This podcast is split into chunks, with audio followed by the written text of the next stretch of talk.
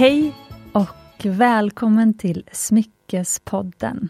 Det här är podden där vi pratar om äkta smycken och ädelstenar på ett enkelt sätt och bryter normer som präglat en annars ganska strikt bransch. Och idag så har vi ett superhärligt avsnitt att se fram emot. Jag vet ju inte själv riktigt vad vi kommer prata om. Jag har ju nämligen låtit er ställa frågor och det är inte vilka frågor som helst, utan det är frågor till vår ädelstensexpert Johannes, som är tillbaka i studion. Så kul! Och idag så kommer vi svara på frågor som ni har skickat in. Och de handlar om, det är en tjej som har en ärvd grön ring från mormor som hon undrar om hon kan se med blotta ögat vad det är för sten. Eller om hon måste skicka in det till ett labb för att se molekylsammansättningen för att kunna veta vilken sten det är. Sen är det en, en som frågar om, om vi har tips på var en kan köpa stenar i Stockholm. En undrar vilka blå safirer det är som är mest värdefulla. Vad för behandling som är vanlig med svarta diamanter. Och En annan vill att vi ska berätta mer om tvåfärgade safirer, så kallade bicolored sapphires. Och en annan undrar vad som menas med color treated ädelstenar. Och några till frågor. Ja, ni hör ju, vi har massa att gå igenom. Jag tycker att det här ska bli jättekul och jag har förvarnat Johannes om att han kanske kommer ställas lite på sin spets idag. Och Johannes har ju varit med i ett gäng avsnitt innan, ska jag bara säga innan vi välkomnar honom in här i mikrofonerna. Det är nummer sex, det är ett av de första poddavsnitten. Det var den första Q&A med Johannes faktiskt, så det får ni jättegärna gå tillbaka och lyssna på. Sen har vi avsnitt 15 som blev ett dubbelavsnitt som heter Under ytan på ädelstensbranschen. Där berättar Johannes historier om när han reser runt i världen och eh, och gå till gruvorna och liksom verkligen så hitta de här stenarna. Supercoolt. Och sen så det tredje avsnittet som han var med i heter Färgädelstensskolan och där pratar vi om färgstenarnas 4C. Så ni som inte kan få nog av Johannes, ni ska lyssna på de avsnitten när vi är klara med detta tycker jag. Varmt välkommen till studion Johannes! Tack så jättemycket. Jag tänkte säga gud vad kul att vara här men eh, efter att ha hört de där frågorna så får jag snarare säga gud vad nervöst att vara här. Ja, men jag, har, men jag har sagt att eh, det är helt okej okay och till och med alltså fördelaktigt tycker jag att säga om man inte vet eller att man ska gå hem och ta reda på någonting och så vidare. Alltså även Johannes som har jobbat med det här sedan han var, alltså nu var 15 år när du startade ditt mm. företag. Den historien delades ju för övrigt i avsnitt 6, för den som vill höra historien om, om hur Johannes kom in på det han gör. Men, eh, ja nu tappar jag bort mig, men det är i alla fall bra att säga att man inte vet och att man får komma tillbaka. För att det är också ny, det måste vara nya rön och sånt och nya, liksom, ny info som kommer upp eller tänker jag varje ja. år. Absolut, det är det. Ja. Men jag känner bara som så, fortsätter vi i den här takten så nästa avsnitt jag kommer hit, då kommer du ha rekryterat någon, någon, någon som doktorerat i gemologi från finns universitet i Frankrike där man kan göra det faktiskt. Jaha. Och ställa massa frågor där jag bara blir helt, eh, får lägga mig och sova liksom. Innan. Det kanske får bli till den engelska podden. Mm, du är mm. fortfarande vår svenska ädelstensexpert. Men det jag älskar med Johannes och varför jag utsett honom till Mumbais och Smyckespoddens eh, ädelstensexpert, det är ju faktiskt att Johannes besitter liksom de viktigaste egenskaperna, tycker jag, i att liksom vara riktigt duktig och även pålitlig. Och det är ju att du, nummer ett, älskar det du gör, du älskar ädelstenar. Och eh, nummer två, du är väldigt ärlig och säger om du inte vet någonting, eller och då ser du verkligen till att liksom ta reda på det bästa svaret. Och det tycker jag att liksom det är ändå det kunskap handlar om. Håller helt med. Så fire away, vad var första frågan? Ja, okej, okay, första frågan. Nu ska vi köra igång. Jag tycker att vi tar ett lite så här, eh, en kanske lite enklare fråga då i början. Har du tips på var en kan köpa stenar i Stockholm? Ja, jag sitter ju mitt emot en, en väldigt trevlig smyckesdesigner här. Hur, hur, ser du på saken? Va, kan man köpa stenar hos er? Ja, men jag har ju lite följdfrågor då till den här tjejen faktiskt. Eh, för jag undrar, vad är det hon vill köpa stenar till? Alltså vill hon köpa stenar att ha som prydnad att titta på? Då kan man ju gå in på liksom härliga kristallshoppar, alltså Kristallrummet eller Ola Moon. Både, ja, Kristallrummet ligger på, i Gamla stan och Ola Moon ligger på Söder. Och faktum är att en av mina kollegor på Mumbai hon var där med sin, jag tror det 11-åriga systerdotter och det var kö på, utanför kristallrummet för att komma in en lördag. Och den här 11-åriga systerdottern skulle eh, gå in där för hon skulle välja ut sina födelsedagspresenter som hon skulle önska sig av min kollega. Då. Eh, så att det är ju väldigt trendigt med kristaller nu. Eh, men det andra är om du som har ställt frågan vill sätta dem i smycken. För då är det lite annorlunda. Då kan man inte riktigt köpa dem liksom i kristall, på kristall, en kristallshop kanske. Vad säger du? Ja, nej, det är helt rätt. Ska man köpa det på en kristallshop, där, där är det väldigt roligt att gå runt. Så att har man vägarna förbi Stockholm eller bor här så alltså, gå in och kika. Kristallrummet är superbra. Eh, Västerlånggatan 21 tror jag att det ligger på. Oh, wow, okej okay, eh, du har hängt där? Jag har hängt där sedan jag var, sedan jag var nio eller tio tror jag. Och vad köpte du för scener där? Jag tog månadspengen på 20 kronor och köpte små sådana här eh, trumlade alla olika varianter. Så det var liksom min stensalming när jag var 11 eller något sånt där, så var det lite olika. Det var innan jag började leta i gruvor. Så om man kommer hem till dig, då ser det ut som man är hemma hos en spåtant eller? Eh, alltså, det har varit ett par flyttar, ja, absolut, absolut. det har varit ett par flyttar sedan dess. Så att nu, mitt problem nu var snarare att eh, nu har jag skaffat undan där en minneslåda långt ner. Det som tog upp hela lägenheten nu var snarare lådor av egenhittade från gamla gruvor i Sverige. Och ah, wow. Jag fick faktiskt en liten vattenskada hemma för ett par veckor sedan och behövde, behövde åtminstone temporärt flytta. Och då blev jag lite, det jag blev mest rädd för när jag, fick red, när jag insåg det här med att jag skulle behöva flytta och liksom packa ihop allting.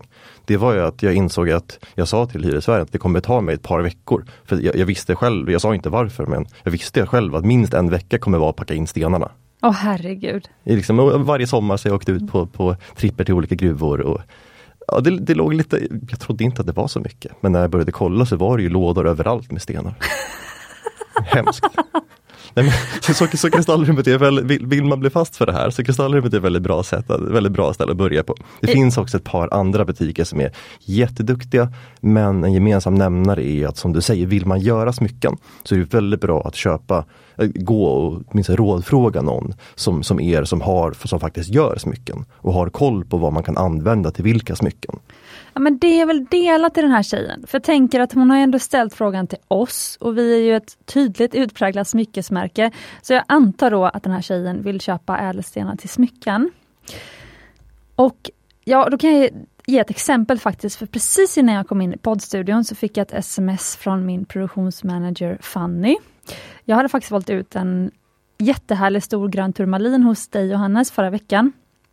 Och så blev jag sugen på att göra ett armband av det ett one of a kind armband.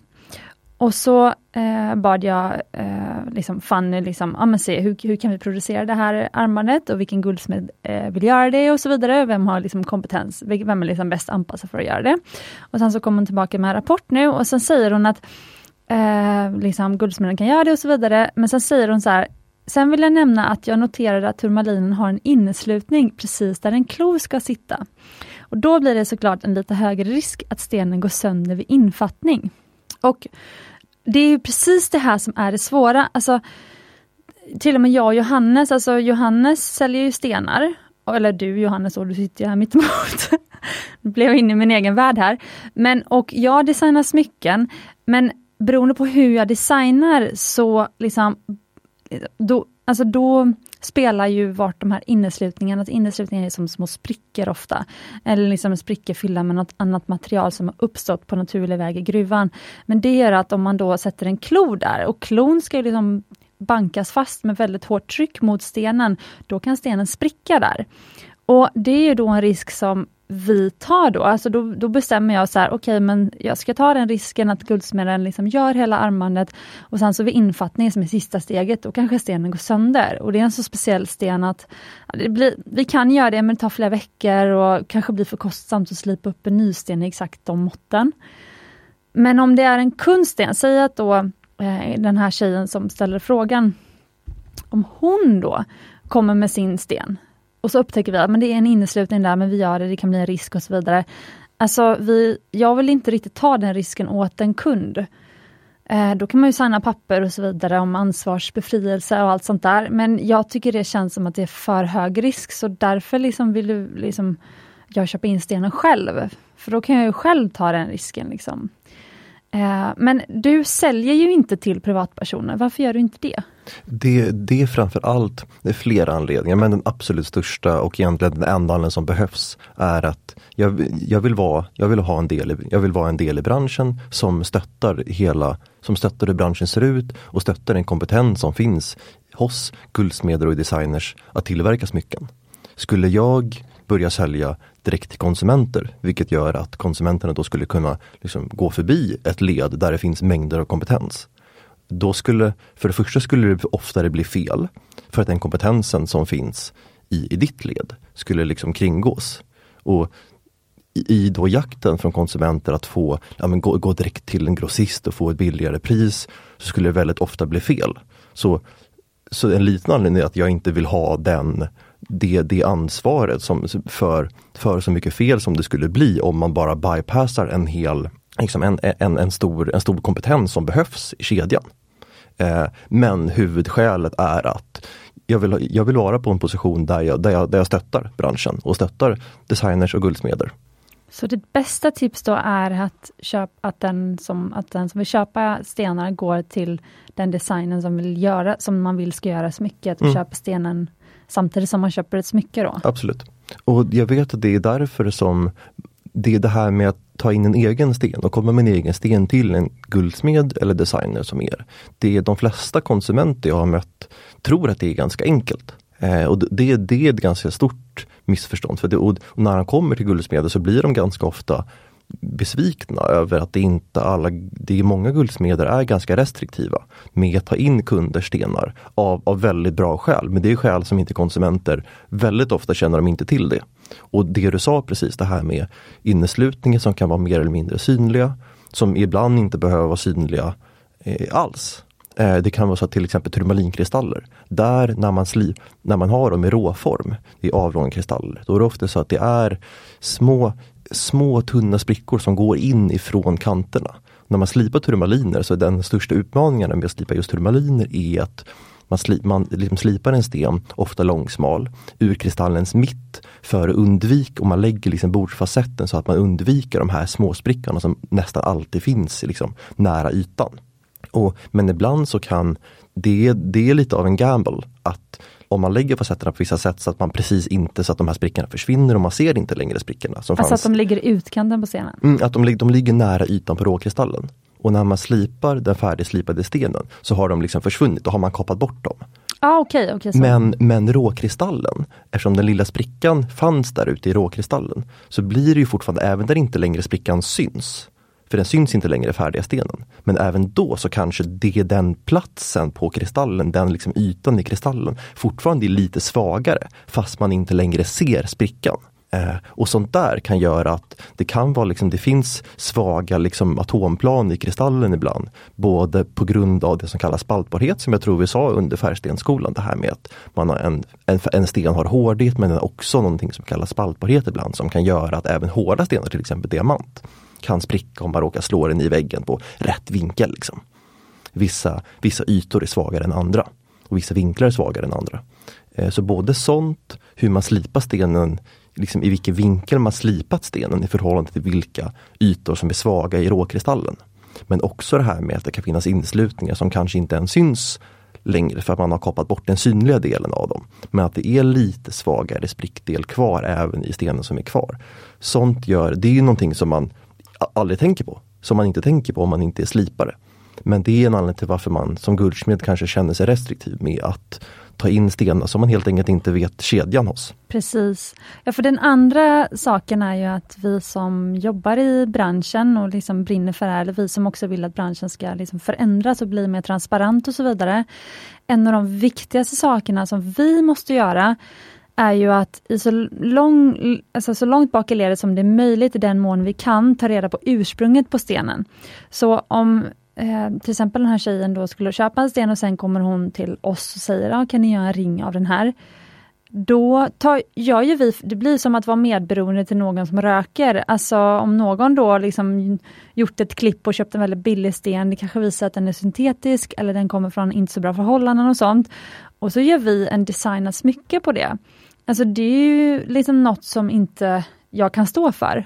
Så att liksom, det är den andra grejen, att liksom veta exakt var allting kommer ifrån. Det är ungefär som om man skulle laga färdigrätter, ekologiska färdigrätter, men sen så plötsligt köper man liksom morötter av någon i en baklucka på en bil och man vet inte var de morötterna kommer ifrån. Men de var billigare än att köpa från bonden där liksom på åken. Alltså, så att ja, det finns många anledningar, eller många så. Men sen med det sagt, säg att man vill ha en härlig ädelsten hemma. Alltså, då skulle säkert vi på Mumbai kunna sälja en av våra liksom jättevackra ädelstenar till, till den personen. Man måste ju inte alltid vilja göra ett smycke bara för att det är en supervacker slipad ädelsten. Så att vill man köpa lösa ädelstenar så prova att gå till en guldsmed och, och köpa en lös ädelsten. Alltså om man bara vill ha det hemma eller sådär. Verkligen. Mm. Och det, det var jag knappt det, det där var en superbra aspekt med det en av de, en av de kanske finns tre viktiga delar till varför man... ja, det kommer du få en anledning till. Ja, men, ja precis, ja. exakt. Bra sätt att väva in det. Eh, nej men det där var ju verkligen en stark anledning till varför man kanske inte alltid vill, vill, vill helt fritt åtminstone ta in stenar från, från utifrån. Eh, från sina, från ja, men, folk, håll, håll som inte är ens vanliga leverantörskedjor. Eh, så vi har ju då det här med att man inte riktigt kan ha full kontroll på riskbedömningen i hållbarhet och sånt. Precis. Om man tar in stenar från okända håll. Och även med ja, men chain och custer i, i var, de, var de kommer ifrån. Eh, och sen dessutom behandlingar. Som vi säkert, ja, just det. Du har Exakt. säkert någon fråga kring det senare. Och där ja men det har vi. Ja. Mm, och där kommer det också in det här okända Exakt. hållbarhetsrisker. Det finns, jag, jag, fick ganska nyligen en, såg en fråga på ett forum faktiskt från en, en amerikansk guldsmed som hade tagit in en Eh, en rubin som var någons och gjort eh, och på något sätt i, lagt den i något, slags, i, i något form av eh, tvättbad eller a, annan typ av, i liksom den vanliga hanteringen. Så hade den här rubinen kommit i kontakt med någon vätska eller så som gjorde att det var sprickorna hade fyllts med blyhaltigt glas i rubinen. Och då löses det här glaset upp lite lite grann av vätskan som, det, som rubinen hamnade i. Och det, det låter konstigare än vad det är. Det här glaset kan till och med lösas upp av citronjuice. Så att det var kanske någon, någon, någon svag syra som till för att liksom tvätta någonting eller så som då löste upp det här glaset. Man såg sprickorna och det var liksom superfult. Och den här guldsmeden hade inte vetat om att det var en glasfylld rubin. Och det öppnar ju väldigt mycket frågor då kring vems behöver guldsmeden ta något slags ekonomiskt ansvar för det här? Om blir, blir guldsmeden stämd av kunden som inte Precis. visste om det här och allt sånt där. Och det där är ju ett extremt exempel. Men det kan finnas liknande med mindre exempel också. Ja, precis. Ja, hoppas du fick svar på din fråga. Ett långt svar. Eh, men det var en, det är en väldigt viktig fråga och det krävde ett långt svar kände jag. Nästa fråga. Då har vi en tjej. Jag har en ärvd ring i guld med gröna stenar från min gammelmormor och undrar hur man vet vad det är för stenar. Går det att se med blotta ögat eller måste stenarna granskas i labb på något sätt för att ta reda på molekylsammansättningen? Det där är, det där är så spännande för det är precis som att när man svarar på den här frågan, jag försöker liksom tänka in i hur man, hur man känner när det kommer en, en kund eller guldsmed. Och, här är en grön sten, vad, vad kan det vara för någonting? Och det första man kanske kollar på med blotta ögat, det är det allra första är erfaren, ja, alla stenar man sett någonsin i livet och såklart undermedvetet så försöker gärna placera in det i vilka stensorter kan det vara. Säg att det är en ganska Låt säga att det är en ganska medel, medelmörkt, inte så här svartmörk, och inte, inte så här bright medelton, utan ganska medelmörk sten. Eh, inte superintensiv. Eh, då, då kanske man tänker ganska snabbt, det skulle kunna vara en turmalin. Det skulle kunna vara, om den är ganska ganska dovt grön, ganska liksom skogsgrön, så skulle det kunna vara en Safir också. Eh, och det finns lite andra saker det skulle kunna vara också. Smaragd eller? Ja absolut, smaragd, men det Precis, men då är den inte kristallklar. Om den är kristallklar smaragd, då är det ganska hög risk att det är någonting fuffens med det. Mm. Smaragder brukar nästan alltid ha inneslutningar. Och speciellt om de är lite medelmörka, då är de ganska värdefulla om de håller en, en, en högre kvalitet. Men kan man inte se på, jag tänker gammelmormor, då är kanske stenen 80 år gammal. Mm. Om hon fick den när hon var yngre eller 30-årsåldern mm. eller sådär. Så då är det ju från 40-talet kanske, mm.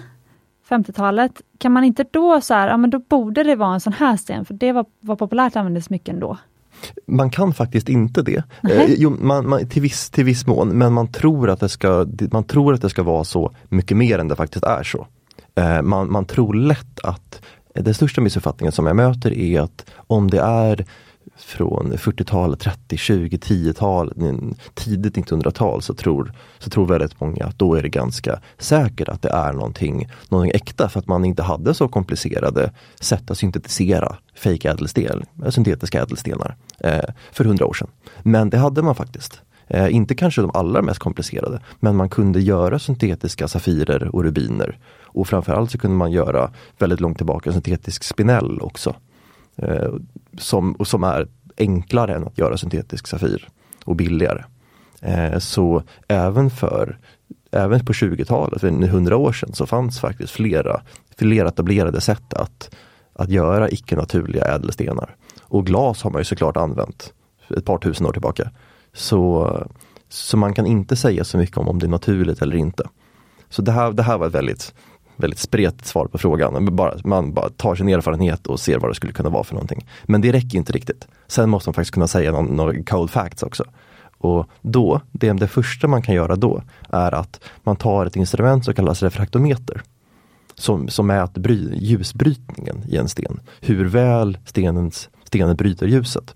Och det är en liten, det är som en liten spegel, eller då blir stenen som en spegel, så man lägger stenen upp och ner med den här stora bordsfacetten på en liten, på en liten glasskiva. Och sen har man en ljuskälla, en liten lampa.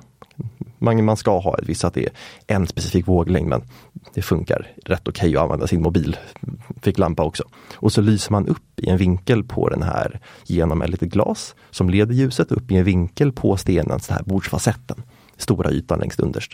Och då blir bordsfacetten på stenen som en spegel som reflekterar ner ljuset igen till en liksom skala och beroende på hur stark ljusbrytning som stenen har så blir, får man en, olika, en, en liksom olika vinklar på det här ljuset som studsar ner på den här skalan. Och då kan man läsa av ett nummer. Och det här numret kallas brytningsindex. Mm. Och då kan man se skillnad på i princip alla olika kemiska ämnen som är genomskinliga. Ah, Okej, okay. och då får du reda på vilket ämne stenen är gjord av? Exakt, och, och med betoning på just ämne. Så man kan se skillnad på glas, kvarts, turmalin, safir. Det man inte kan se skillnad på, det är om, om man har två saker som är samma kemiska ämne. Men ändå olika. Kommer du på något exempel? Syntet ja, men jag tänk, aha, okay. Syntetisk safir till exempel. Synte aha, okay. Syntetiska saker. En syntetisk sak är ju samma ämne som det naturliga. Precis, och det kan man då dölja? Det kan man inte se i den här refraktometern. Okay, okay. Så man kan se vilken sten det är men inte om den är gjord på mm. syntetisk väg? Exakt. Och så, det, vi, så det är liksom det första steget. Ska, ska vi bara säga då vad en syntetisk för er som inte har lyssnat på avsnitt. Det var ju ett, nyligen ett avsnitt om syntetiska ädelstenar. Avsnitt 41. Vad är bäst, naturliga eller labbodlade diamanter? Och vad är mest miljövänligt? Det kan du lyssna på. Men i alla fall då pratar vi om att, eller där lär vi oss att eh, en syntetisk ädelsten kallas för syntetisk för att den har vuxit i ett labb. Men den har vuxit på exakt samma sätt som i de vanliga gruvorna, de ädelstenar som vuxit under biljoner år, de naturliga ädelstenarna. Men man har gjort det i ett labb på väldigt, väldigt kort tid. Men det gör att de har exakt samma molekyluppsättning och samma egenskaper och så vidare som den, den liksom riktiga ädelstenen. Så den kallar, det är egentligen samma sak fast den kallas för syntetisk för att den är gjord på syntetisk väg. Okej, okay. varsågod ja, fortsätt. Exakt, och den kan man då inte se skillnad på.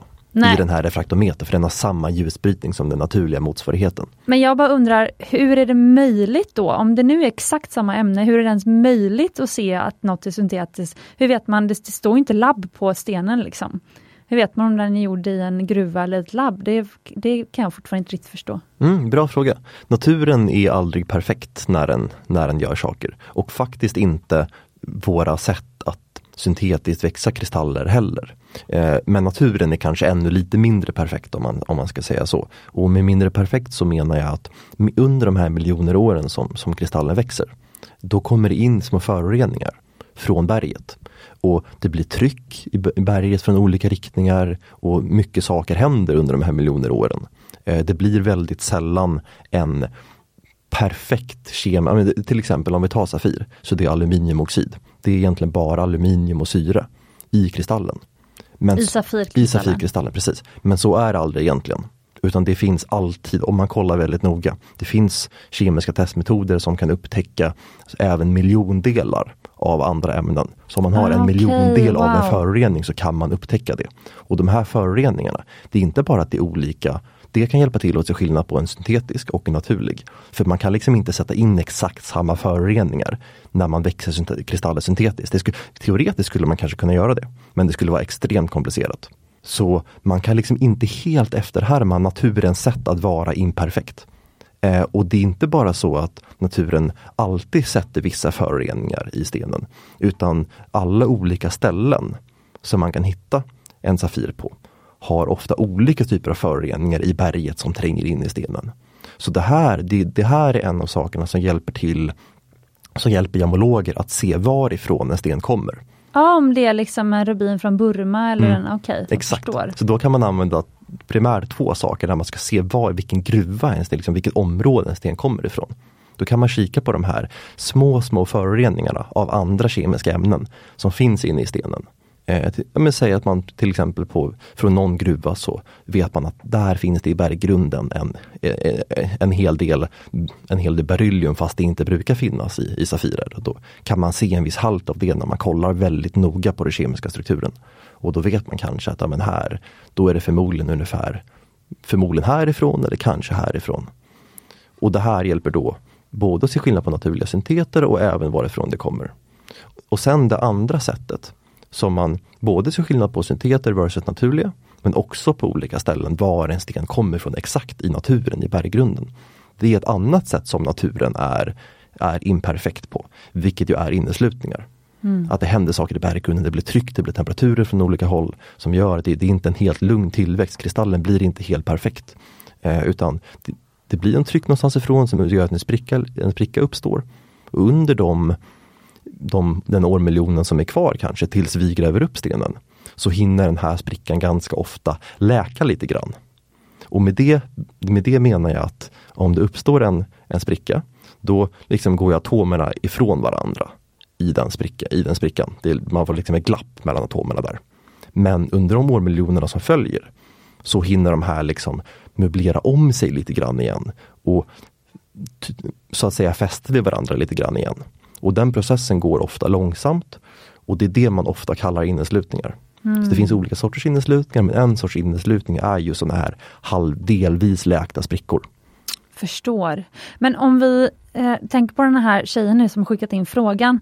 Kan hon själv då köpa en refraktometer för att ta reda på vilk, vad för typ av sten det är? Eller vart kan hon gå för att ta reda på vad det är för sten i hennes mormors ring? Också utan kanske att ta ut stenen ur smycket? Mm.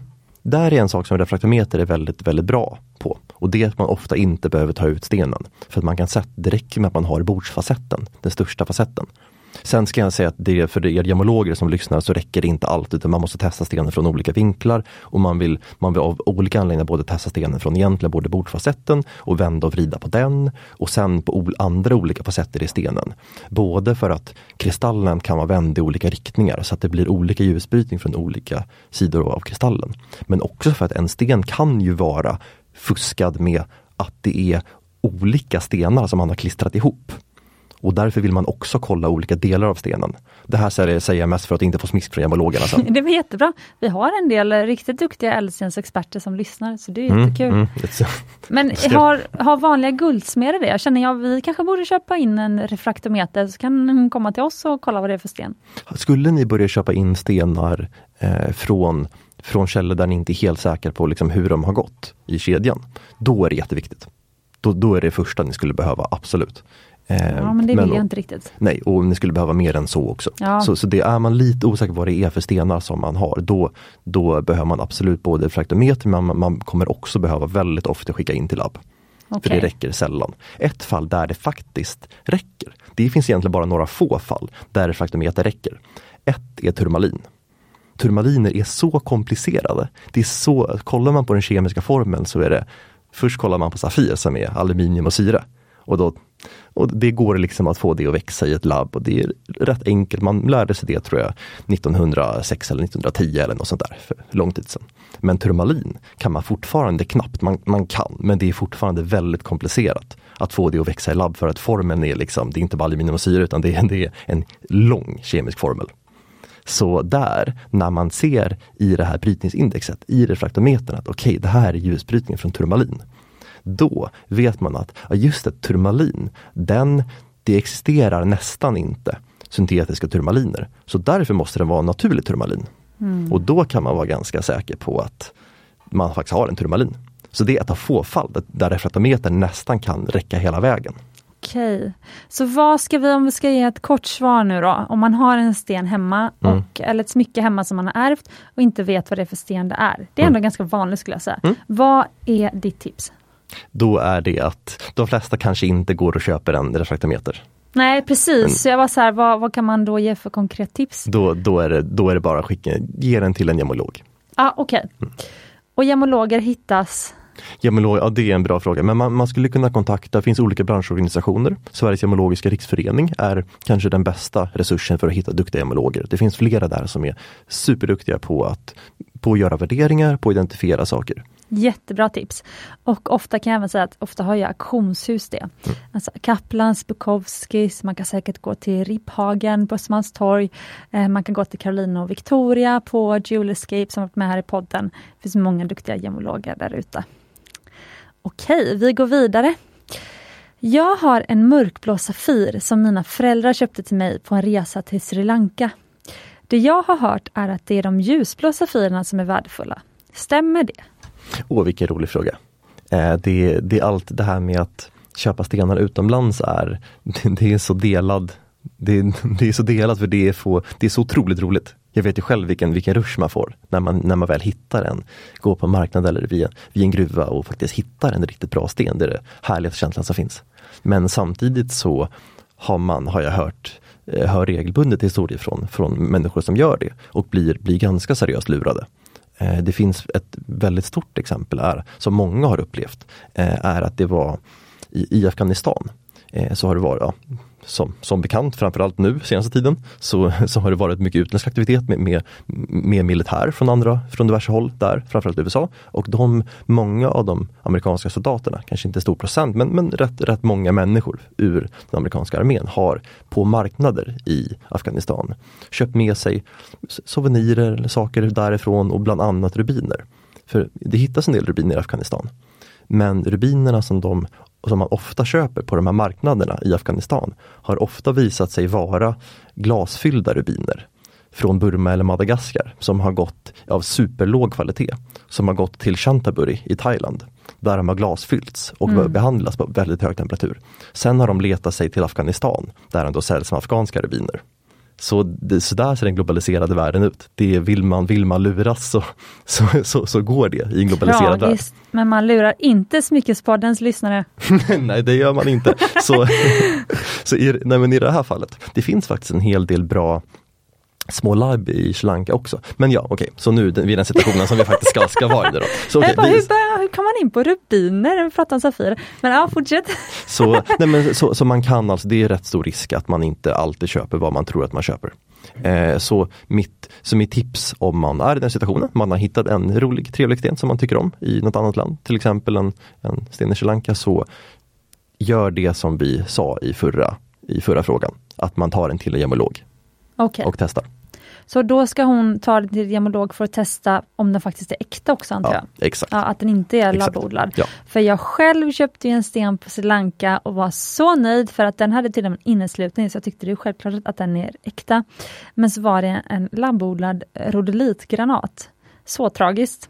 Jättetråkigt, jag har fortfarande inte gjort något mycket av den för den bara, den bara dog för mig.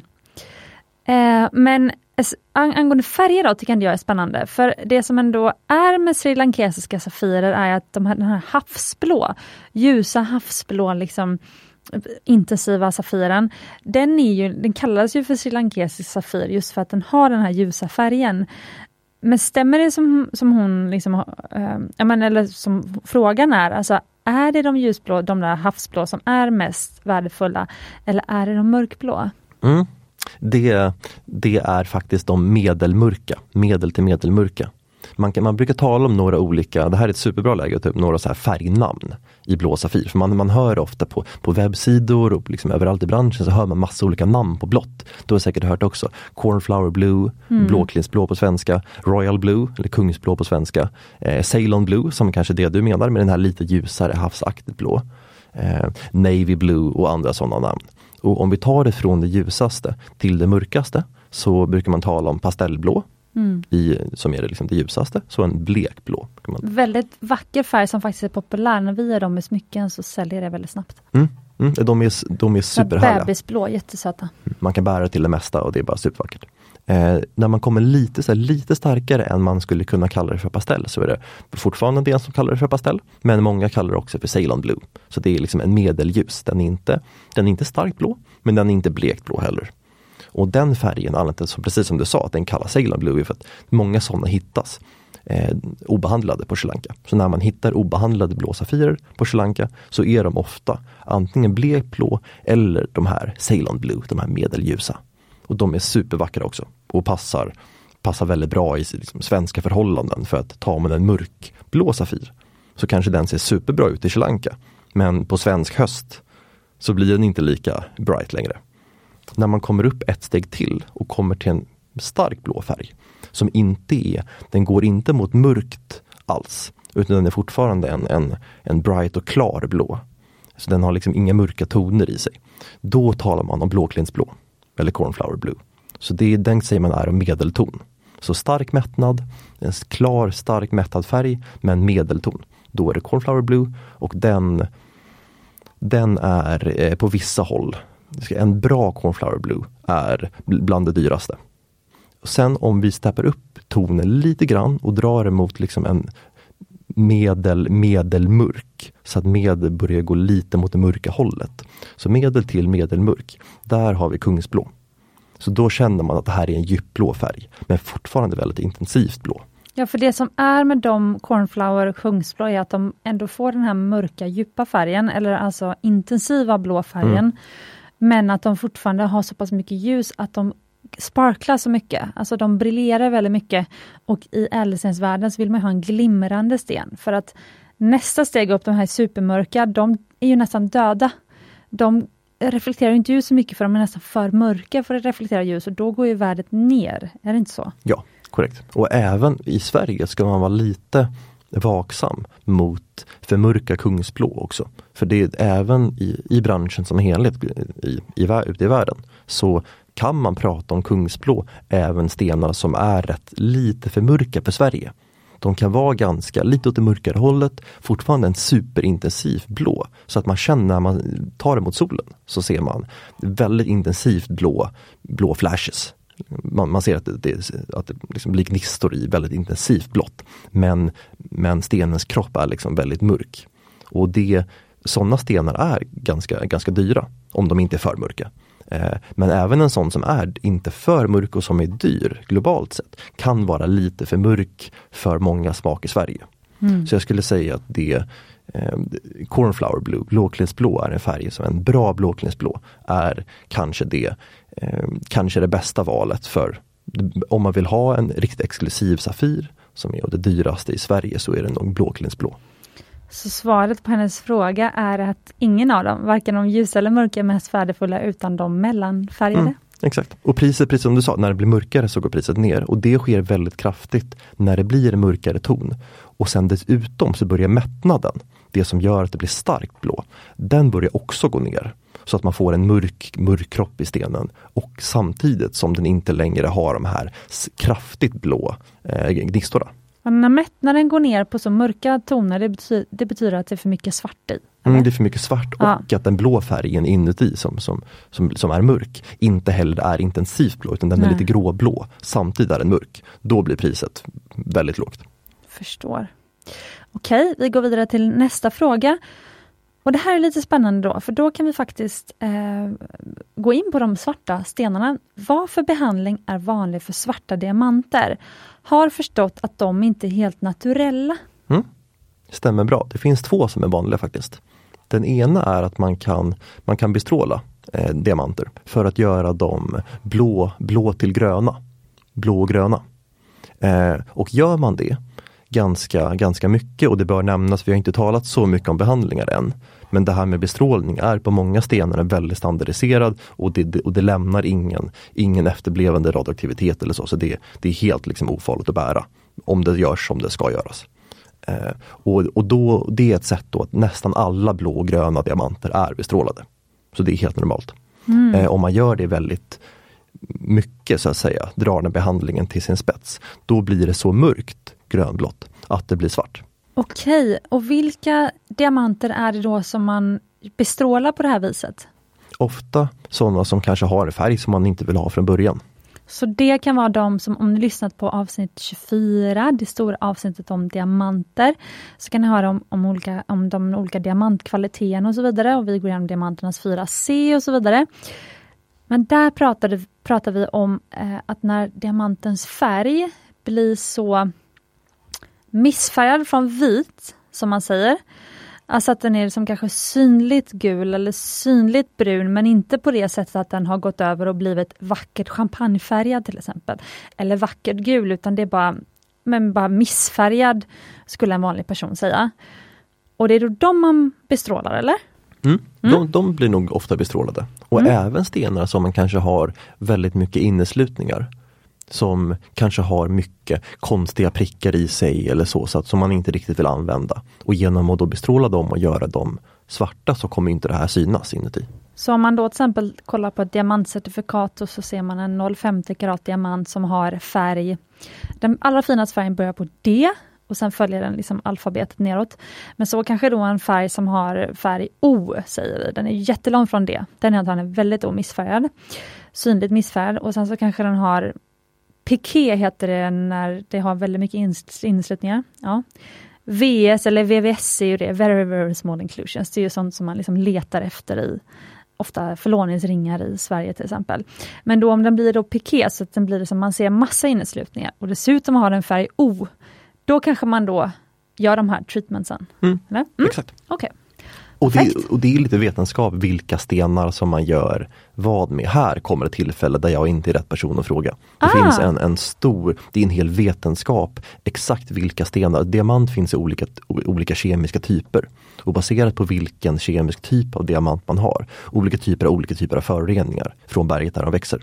Och olika diamanttyper, baserat på vilken diamanttyp det är, vilken färg det har, vilken typ av inneslutningar det har, de tre sakerna, så kan man, så gör, får behandlingarna olika effekt. Okay. Och det finns alltså folk som är väldigt, väldigt duktiga på att förutsäga. Man kan aldrig förutsäga 100% men till 99% förutsäga vilken effekt en behandling kommer ha baserat på vilken diamanttyp det är, vilken färg det har, vilka inneslutningar det har. Och diamanttyp är alltså vilken typ av mineraler som är i förutom diamant? Mm, vilka typer av kemiska föroreningar. Till ja. exempel så, så vissa, på, någon, på vissa diamanttyper så kan man ha mycket kväveföroreningar som ger de här gula och brunaktiga tonerna. Och på en annan diamanttyp så finns aldrig något kväve i stenen och de blir aldrig gula och, gula och bruna. Så de som jobbar på de här diamantlabben för att bestämma hur de ska treata de här stenarna, de är då kemister låter det som, på ja, hög till nivå. Viss, till viss del absolut. Går ja. man, men läser man gemologi på, på, på hög nivå, både för att, om vi läser man gemolog bara, så, så är det en, en hel del kemi, en hel del fysik i det. Och läser man, doktorerar man gemologi, då, då är man en variant av kemist. Liksom. Okej, vad intressant. Eh, men det som är häftigt då är att de stenarna då som, det, för nu kan jag ändå känna att det ändå är lite Eh, liksom spännande med de här eh, treatmentsen eller behandlingarna.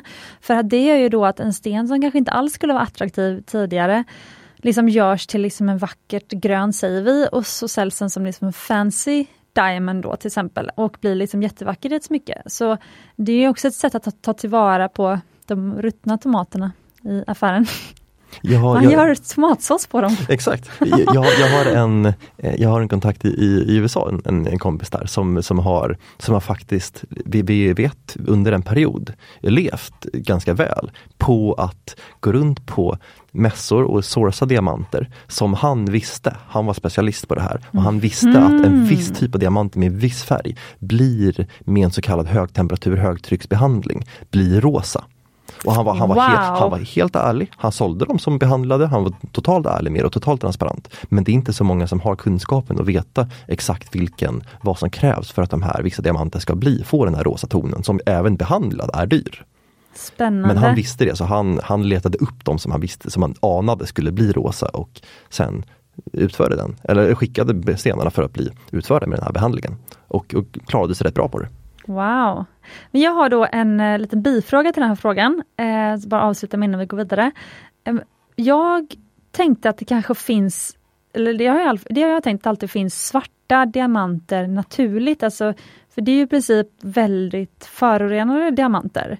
Men finns det eller måste de alltid vara behandlade för att bli sådär genomsvarta?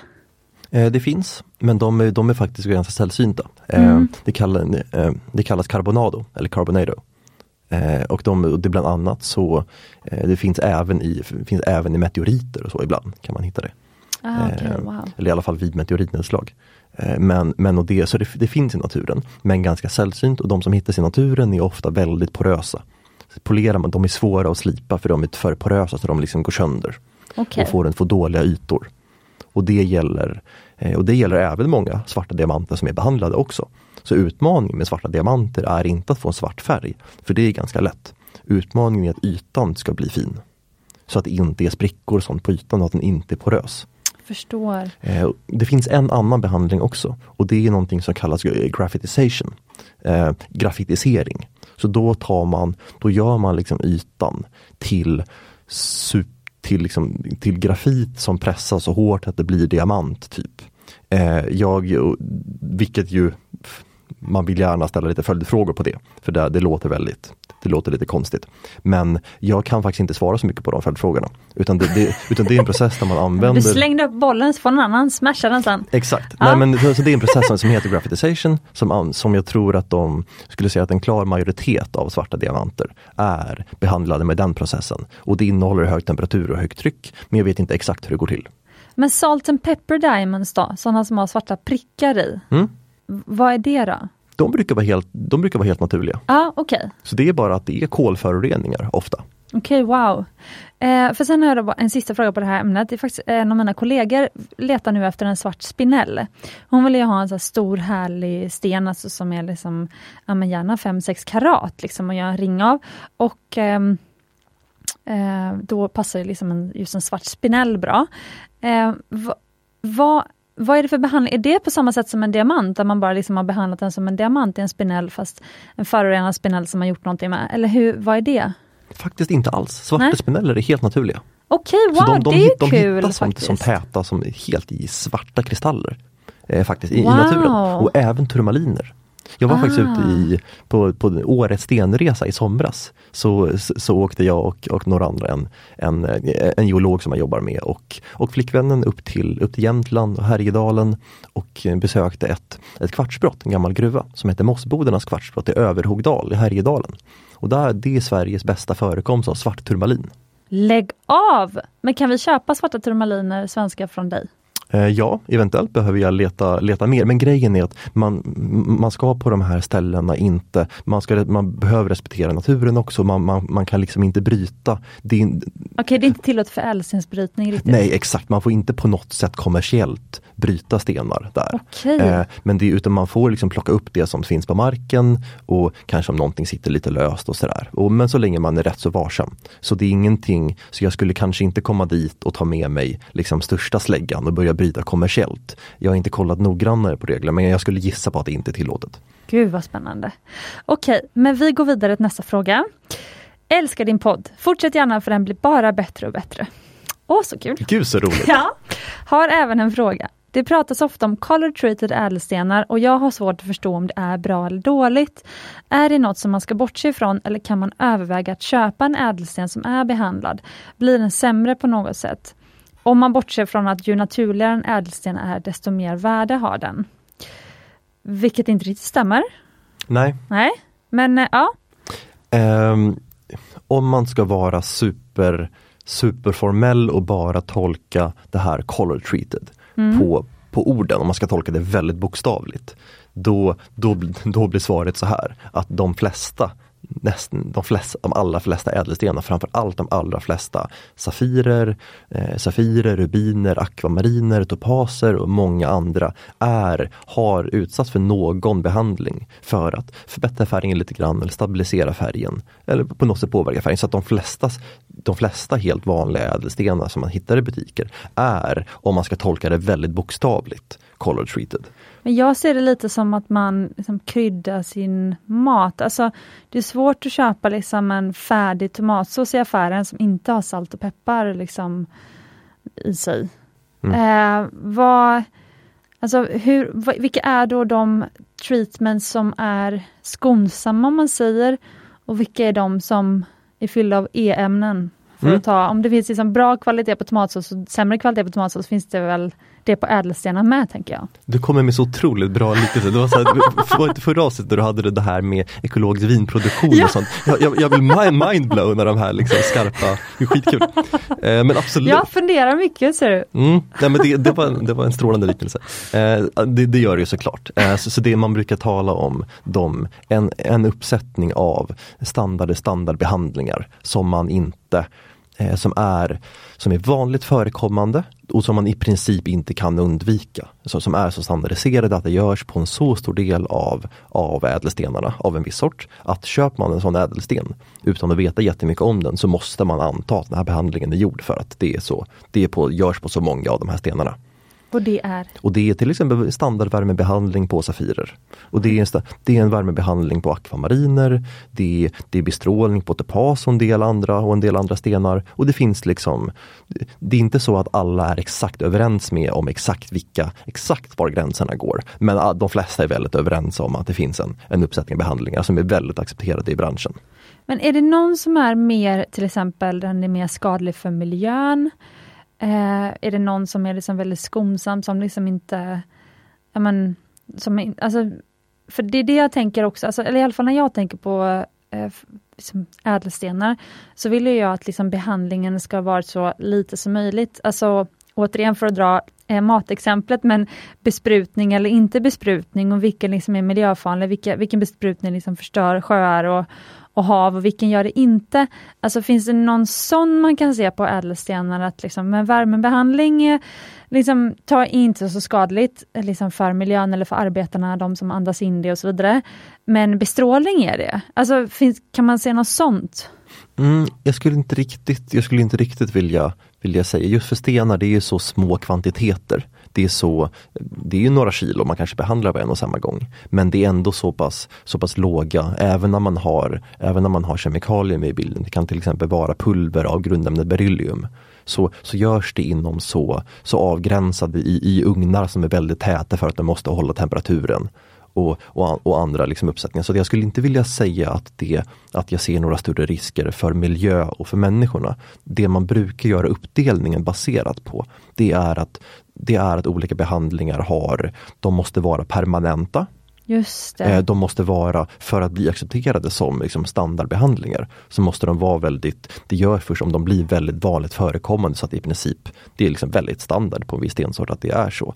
Men också att, att det är permanent men också inte påverkar hållbarheten heller. Så den, den, får liksom inte på ett oärligt sätt dölja hållbarhetsproblem. Som till exempel då för de där glasfyllda rubinerna. Exakt, glasfyllda ja. rubiner är ett superbra exempel. Så, så man får inte, det får inte vara så att de ger en färg som sen bleknar. Och det får inte heller vara så att de ger framtida hållbarhetsproblem. Och de bör vara och det är först när de blir väldigt vanligt förekommande som man pratar om dem som standardbehandlingar. Och är de här tre grejerna uppfyllda, då brukar man inte vara så orolig. Okej, men det är viktigt faktiskt för att en av anledningarna till att man köper äkta smycken är för att de ska hålla i generationer. Så om det liksom Ja, man vill inte köpa en tröja som är nopprig, man vill inte, eller som, liksom, som blir det efter ett år, och man vill inte köpa liksom en morganit som inte längre är rosa om ett år. Då har ju allt fallerat, kan man lika gärna köpa ett fejksmycke. Mm. Eh, men eh, för till exempel om margariter är ett exempel på liksom där i princip alla blir behandlade för att ändå få en, liksom, den här djupare rosa färgen och så. Men det är väl inte så att alla morganiter som hittas ändå kan bli vackert ljusrosa? Alltså det här med att hon säger att eh, man, det är väl högre det är väl bättre värde på dem som, det är högre värde på dem som inte är, är liksom behandlade.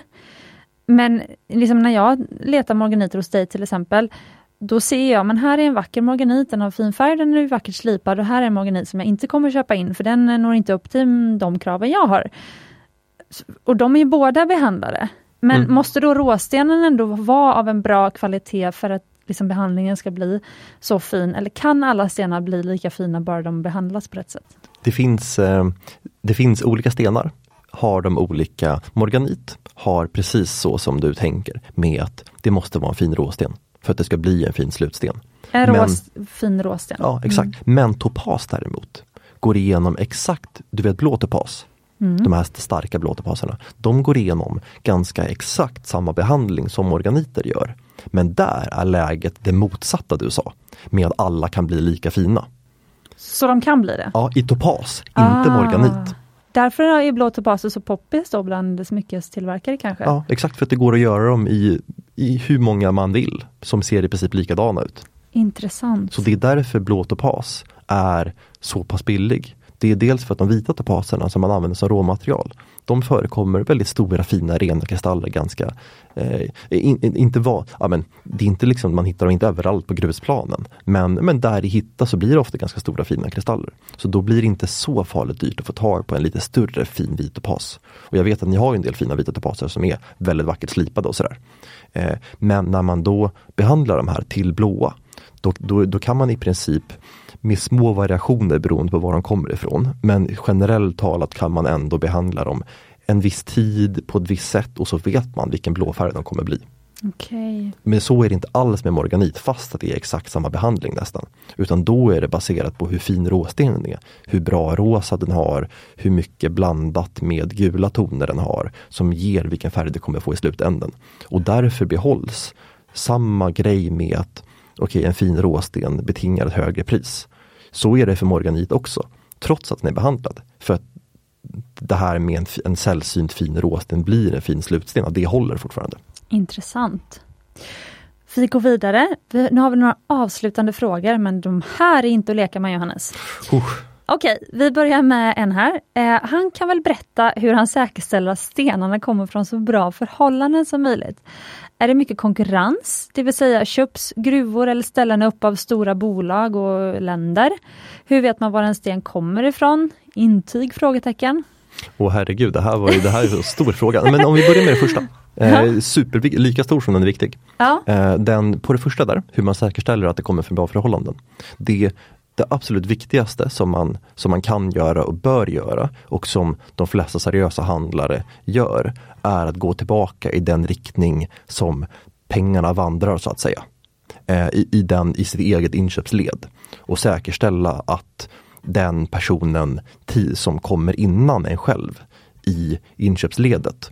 Att man ställer rätt krav på dem. Ja, den du och, köper av. Ja, exakt. Och ställer krav på att de ställer rätt krav på deras, på deras leverantör. Och ser till att, den här, att det sättet att jobba och att det inte finns några, några större felaktigheter i, i, i hur man jobbar. Att den, det, de kraven kommer ner så långt som möjligt i leverantörskedjan. Så det är det absolut det är det absolut viktigaste och enklaste sättet att ställa, att se till att det sker bra. Att se till att det går, går till på rätt sätt. Sen kan man också, det varierar lite mellan olika handlare som har sliperier, som har slipning eller som bara köper in färdigslipat. Vi till exempel slipar väldigt mycket av våra, jag skulle säga att ungefär 70% av vad vi säljer är slipade av oss. Och då har vi stort ansvar att, att ta hand om våra slipare på ett väldigt bra sätt. Och vi har mer direkt kontroll över sliperiet. Medan andra som köper in bara färdigslipat kanske kan sätta ganska strikta övergripande krav på sliperiet. Men har svårt att komma med detaljkrav. Så, så för oss så ligger ett tungt ansvar på att inspektera sliperierna och se till att det går rätt till där, se till att, de, att vi betalar bra, får bra lön, att det ser bra ut i förhållandena, att det inte blir, att det inte blir en stor mängd liksom stendamm och så att de i så fall får skydd för munnen och annat. Och det där är sånt som, som vi har mer direktkontroll över. För ni har sliperier både i Sri Lanka, Bangkok och Sverige va? Eh, primärt Sri Lanka. Ah, okay. Eh, men, men, vi slipar, men vi slipar absolut i Sverige också och, även, och även i Bangkok. Men det skiljer vilka, vilka konstellationer vi har om vi liksom hur stor kontroll vi har över de olika sliperierna. Ja för ni är, äger dem ju inte. Nej exakt, utan det är Sri Lanka där vi, liksom, där vi har, jobbar tätast med dem så att säga. Eh, och, och där, de besöker vi ofta. Mm. Och Är det mycket konkurrens då? Alltså, köps gruvor upp av stora bolag? Alltså hur ser det ut? Mm, nu är vi inne i det här är superstort område med liksom hur, hur brytningen ser ut. Men jag kan gå tillbaka och eh, göra ett litet, man kan också ta en anda här med att se till att det går rätt till. Ja. Det, det, det enkla sättet som de flesta ska och bör, bör, göra och att många seriösa också gör med att följa sin leverantörskedja och ställa höga krav på att det går rätt till på den nedanför. Liksom. Eh, det finns också ett annat sätt och det är om man går nerifrån så att säga. Att man faktiskt att man vet tack vare informationen i sin leverantörskedja att de här stenarna kommer från ett visst område i världen och vissa, vissa gruvor, ett visst gruvområde. Och så kan man få information direkt från det, det gruvområdet via besök, via, via forskningslitteratur, via myndigheterna i landet. För så har ni på era morganit så, så har vi och det försöker vi göra på alla ställen där vi, där vi kan. Alla mm. ställen där vi köper in regelbundet ifrån. Och vi vet att det kommer från ett visst område. Så jag, försöker vi både gå uppifrån i, genom leverantörskedjan men också i största möjliga mån gå, kolla vilken information som finns.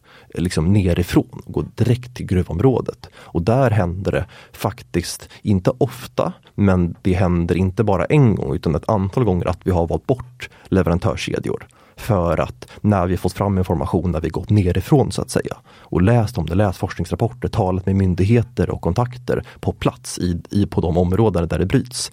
Sett att det, det mesta verkar bra men vi kan inte garantera att att det här, att det här liksom sker med exakt den typen av, eh, att det är så bra arbetsvillkor som vi, som vi vill ha det till exempel. Eller till exempel i, i Madagaskar så fanns det ett exempel i centrala Madagaskar där man för några år sedan i eh, 2017-2018 hittade man en jättespännande fyndighet i en väldigt skyddad skog i, på, central, på centrala Madagaskar. Där det var ett, kanske det bästa exemplet på ett supersvårt etiskt dilemma inom ädelstenar. Mm. Safirerna var fantastiska. De, det, var, det var primärt inte ädelstensbrytningen som hade förstört skogen. Utan det var, att, det var att man hade bränt skogen för att göra jordbruk. Innan. Och när, när man hade bränt skogen för jordbruk, då hittade man stenarna i marken. Oj. Så det var, inte, det var inte heller stenbrytningen som primärt var förstörelsekällan från början. Så, så det, liksom, det, var liksom en vinkel på problemet. Eh, och sen bara för att göra det här ännu svårare. Så att eh, Madagaskars stat tänkte från början, i och med att det var ett skyddat område, att förbjuda brytningen här. Eh, men de gjorde inte det för att just i den, under den här perioden så var det svår torka på det här, på den här området i Madagaskar. Och de såg risk att skulle de ta ifrån eh, försörjningsmöjligheterna från det här, från den här regionen, från den här brytningen, så trodde de att ganska många människor skulle kunna fara illa för att de inte längre får inkomsterna från de här Safirerna. Som Men... de kanske behövde för att överleva. Så det här var ett toppexempel på hur svårt dilemmana kan bli ibland. Verkligen, men då tänker jag, hade den här byn då fått bli lämnad i fred, hade de fått sälja de här stenarna eller hade någon annan kommit, någon liksom big corporation kommit och tagit över? Det var, inte, det var inte några big corporations utan det var dels byarna som var nära men också, också ett inflöde av, av människor från omkringliggande, från hela Madagaskar när de hörde talas om det här. Så kom de och bröt så att det var tusentals personer där. Men då valde ni att inte köpa därifrån? Det var precis, så vi, ah, wow. vi, vi valde att inte köpa därifrån. Mm. Eh, men jag hade kunnat försvara att köpa därifrån också. Med tanke på hur viktigt det var för människorna som bodde där. Precis. Och att det kanske inte var stenarnas fel från början även om de såklart lite grann bidrog till, till förstörelsen av skogen just där. Så det där är supersvåra val och det är inte alltid, ofta är valen inte så svåra. Ofta så är det lite mer självklart vad man väljer. Men hur är det med intyg och så då? Jag vet ju att vi kan inte få intyg på exakt var alla stenar kommer ifrån. Och faktum är, det ironiska är att inte ens på diamanter, alltså man får GI-certifikat, men det står ju inte där, att den här kommer från den här gruvan. Eh, så att liksom inte ens där så vet man ju exakt vilken gruva de kommer ifrån. Däremot, spoiler alert, vi kommer faktiskt prata om det här i ett senare avsnitt. Eh, där det faktiskt finns en gruva i Kanada som numera har en, liksom, där får man veta att de kommer från den gruvan, de har ett eget slags certifikat. Så det är spännande nyheter på diamantmarknaden, den naturliga diamantmarknaden. Men utan att gå in på det nu då, utan bara allmänt liksom färgstenar och sånt. Hur funkar det liksom som konsument? Kan man få ett intyg? Mm, eh, jag behöver gå tillbaka och lite så här, hur, de faktiskt, hur de faktiskt bryts och ta resonemanget därifrån. I, I diamanter, där Visst, man kanske inte får ett intyg och vet exakt var de kommer från oftast. Men man vet i alla fall att diamanterna eh, generellt från er och de flesta andra seriösa aktörer är, är konfliktfria.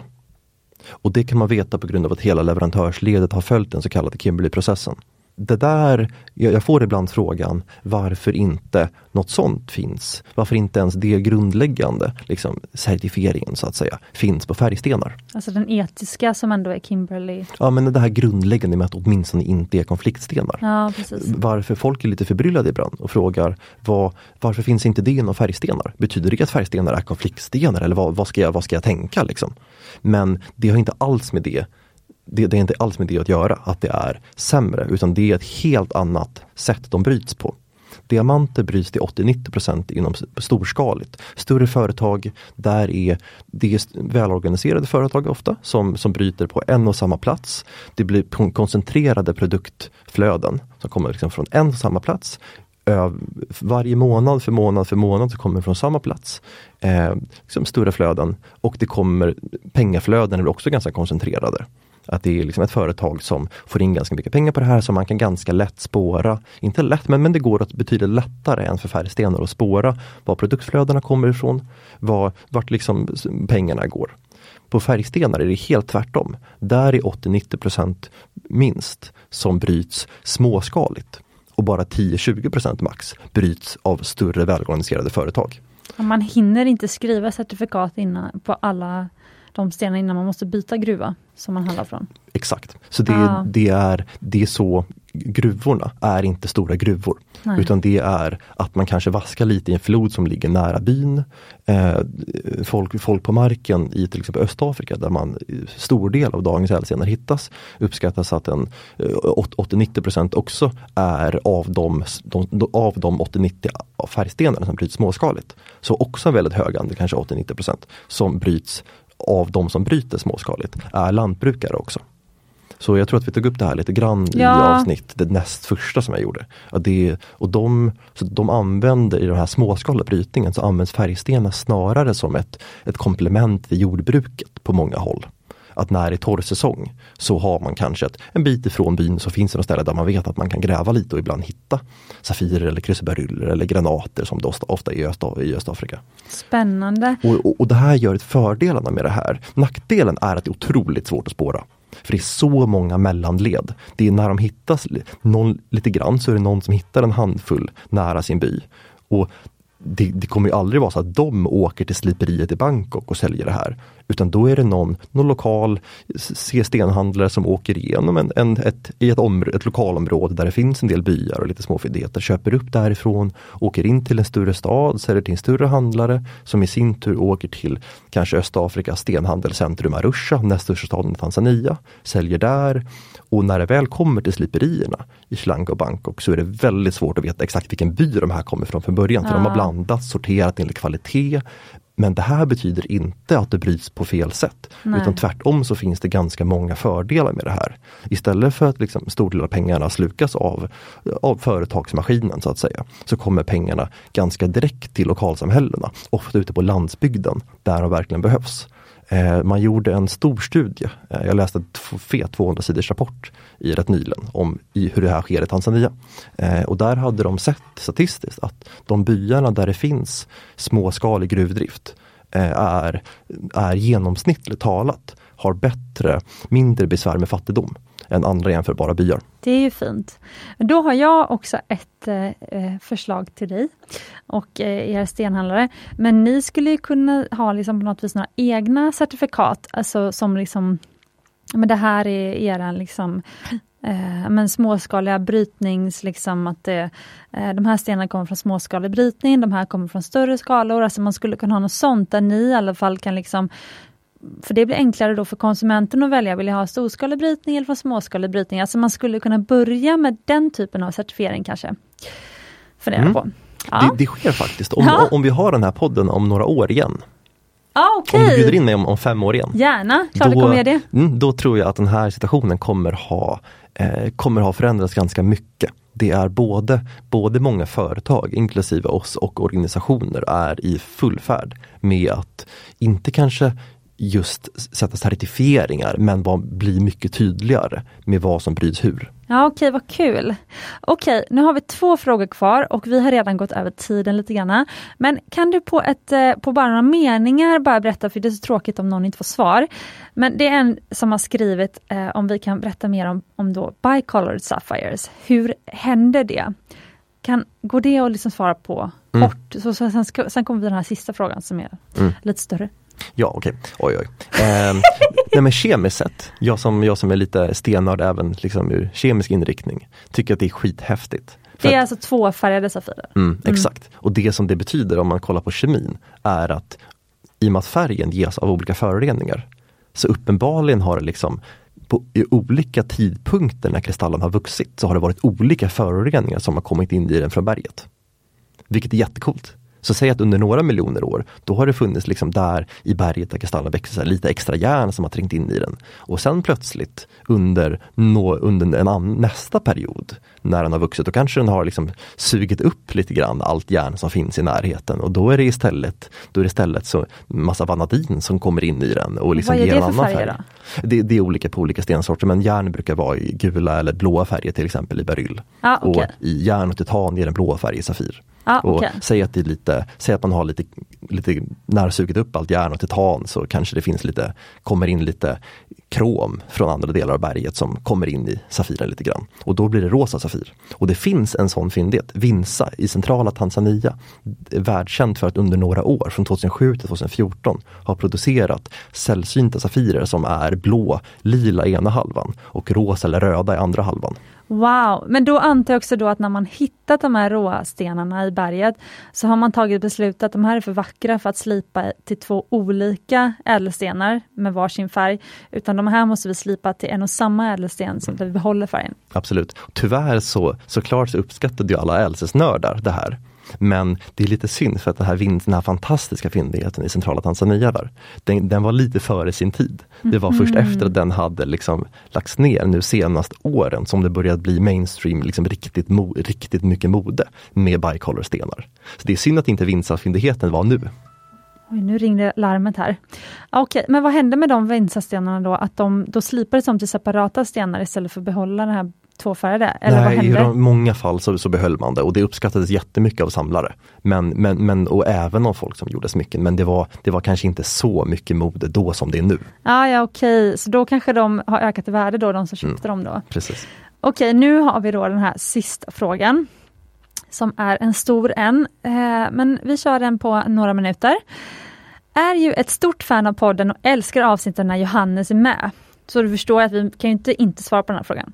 Ni har nog berört det lite tidigare men skulle vara så intressant att höra mer om, om hur mycket ädelsten som man tror finns kvar på jorden och i vilken takt vi använder och bryter nya ädelstenar jämfört med hur långsamt de växer fram naturligt. Är det så att säga en råvara vi använder i lagom takt? Hoppas du förstår vad jag menar. Tack för bästa podden som förgyller mina dagar. Oh, det är alldeles varmt. Gud, gud vad gulligt. Mm. Um, en så, viktig fråga. Otroligt svår fråga. Mm. Så det är fint beröm men den svåraste frågan hittills. Uh, jag har hur mycket som finns kvar i marken. Väldigt stor andel. Vi har brutit väldigt lite av vad som finns. Vi men, har ju bara brutit i drygt 100 år på, på, på rikt på ja, riktigt stor skala? Eller? Exakt. Ja. exakt. Eh, på, på en del ställen, Burma, Sri Lanka har man brutit längre. Men fortfarande bara en liten del av vad som finns. Eh, för, för, att, liksom, för att illustrera det, så på, på Sri Lanka, där används fortfarande, de är väldigt fokuserade fortfarande på småskalig brytning. De tillåter knappt storskalig brytning. För att de tycker att småskalig är bättre för miljön just på Sri Lanka, för deras förhållanden. Eh, och då när de ger licens för, för en för småskalig brytning så betalar man en licensavgift. Under 12 månader så får man då gräva några enstaka, för en viss typ av licens, upp till fem hål. Och som ofta görs då i paddyfields, risåkrar. Och då, jag ska inte säga att de tar slump, att de väljer slumpmässig plats, men, men när det finns det har gått en hel del floder liksom på en, ett gäng meter under de här is, under marken i isåkrarna. Och det är lite av ett gamble just var man gräver. Så om man hittar den här gamla flodbotten där, sten, där ädelstenarna finns. Och även om man har brutit där i flera tusen år så har man fortfarande hittat en väldigt liten del av alla de här eh, uråldriga floderna där det finns safirkristaller. Eh, så även där så har man brutit bara en liten del. Och för, och för att inte tala om, om Afrika där man precis börjat som du säger, så max 100 år. Men, men är inte det lite positivt då? För nu har ju liksom råvaror, eh, alltså de här stora råvarorna i världen, alltså Eh, nej men liksom olja och järn och alltså allt, allt sånt där som har funnits i industrin väldigt länge och brutits i extremt stor skala länge. Alltså ta bara skövling av regn, regnskog och skog och allt möjligt.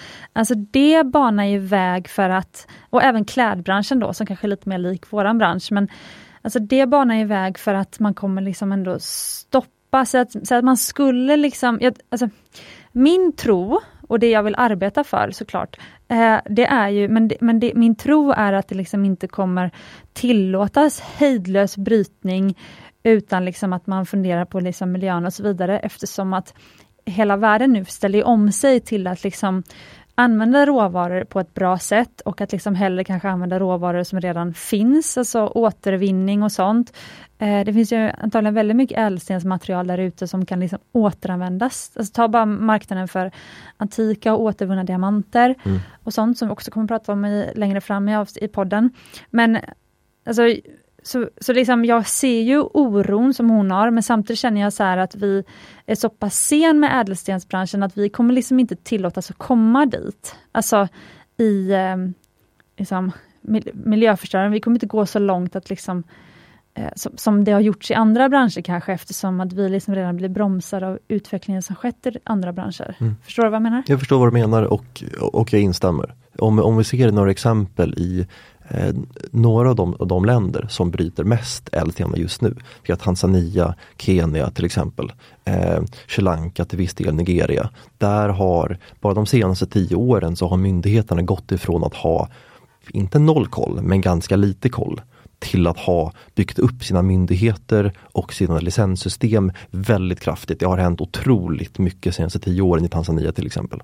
Eh, som både att, att, att, man styr, att man har börjat få samarbete mellan myndigheter och de som bryter, både ge och ta eh, genom att hjälpa de som bryter med utbildningar, försäljningsmöjligheter, marknadsföringsmöjligheter, mässor, eh, utrustning i vissa fall och framförallt trygghet att man får en licens där man vet att den här marken är deras under ett visst antal år eller så. Eh, mm. får, så i, mot det så får då de som de som begär licensen betalar en licens, licensavgift som går till att ja, finansiera de här, de här sakerna. Eh, men också få krav ställda på sig vad gäller miljön. Och det här har Sri Lanka kommit väldigt långt med det här. De är, skulle säga, de är nästan, inte i mål, men, men rätt. De har kommit långt. Eh, Tanzania följer inte tätt efter, men de, är på, de jobbar jättehårt för att komma till samma nivå. Och efter Tanzania så följer också Nigeria och Kenya har kommit ganska långt. Det var ju fantastiskt positiva nyheter och det mm. var faktiskt mer än jag visste. Så kul! Det var väl härligt att avsluta det här poddavsnittet med ändå den positiva framtidsutsikten. Så kul att du ville komma hit Johannes. Alltså, jag tycker att du är jätteviktig, eh, jätteviktig liksom komponent, en jätteviktig person för att sprida kunskap i ädelsten Sverige. Så jag är glad att du vill vara vår ädelstensexpert i podden. Tack så mycket, det var ett stort nöje. Jag säger det igen att de gäster som jag har i podden och även jag faktiskt, men vi gör ju det här på vår fritid så att säga. Um, så att liksom, det, man, ja, jag betalar inte Johannes för att komma hit utan det är ju liksom, eh, liksom hans liksom, Ja, han gör det för att han vill sprida kunskap helt enkelt. Alltså fortsätta frågorna blir svårare och svårare. Så. ja, nej men jag uppskattar det jättemycket och eh, Johannes driver ju för, eh, företaget Ädelstensgruppen. Eh, men, men att komma i kontakt med dig som konsument, som privatperson, kan man göra det eller det gör man via? Det kan man. Ja, man okay. kan mejla och ringa mig men, ja. men vi kommer aldrig att kunna sälja varor direkt till konsumenter utan då, utan då kommer vi rå, rådgöra med konsumenten att de kanske har en guldsmed i närheten av sig och då skulle då guldsmeden kunna, kunna beställa in stenar för visning och liknande. Men det där är, men vi, men vi föredrar jobba i största möjliga, vi föredrar jobba via kanaler som vi liksom redan har. Jag ska säga att du skriver mycket, du har skrivit jättemycket artiklar genom åren i till exempel tidningen Tid och smycken. Som, om du som lyssnar kan få tag i den så kan du lära dig ännu mer av Johannes förutom att lyssna på podden. Har du några sista ord du vill dela eh, Johannes till lyssnarna? Nej, jag ska bara säga att jag skämtade med att jag inte vill ha svåra frågor. Jag förväntar mig, jag förväntar mig nästa gång blir, blir värre. Ja. ja, det är bra. Vi antar utmaningen. Och du som lyssnat, stort tack för att du har varit med oss idag och jag blir så glad att vi har fått flera nya ratings på Apples poddspelare och även Acasts poddspelare. Det är så roligt. Och eh, glöm inte att du är värd äkta smycken och fantastiska ädelstenar.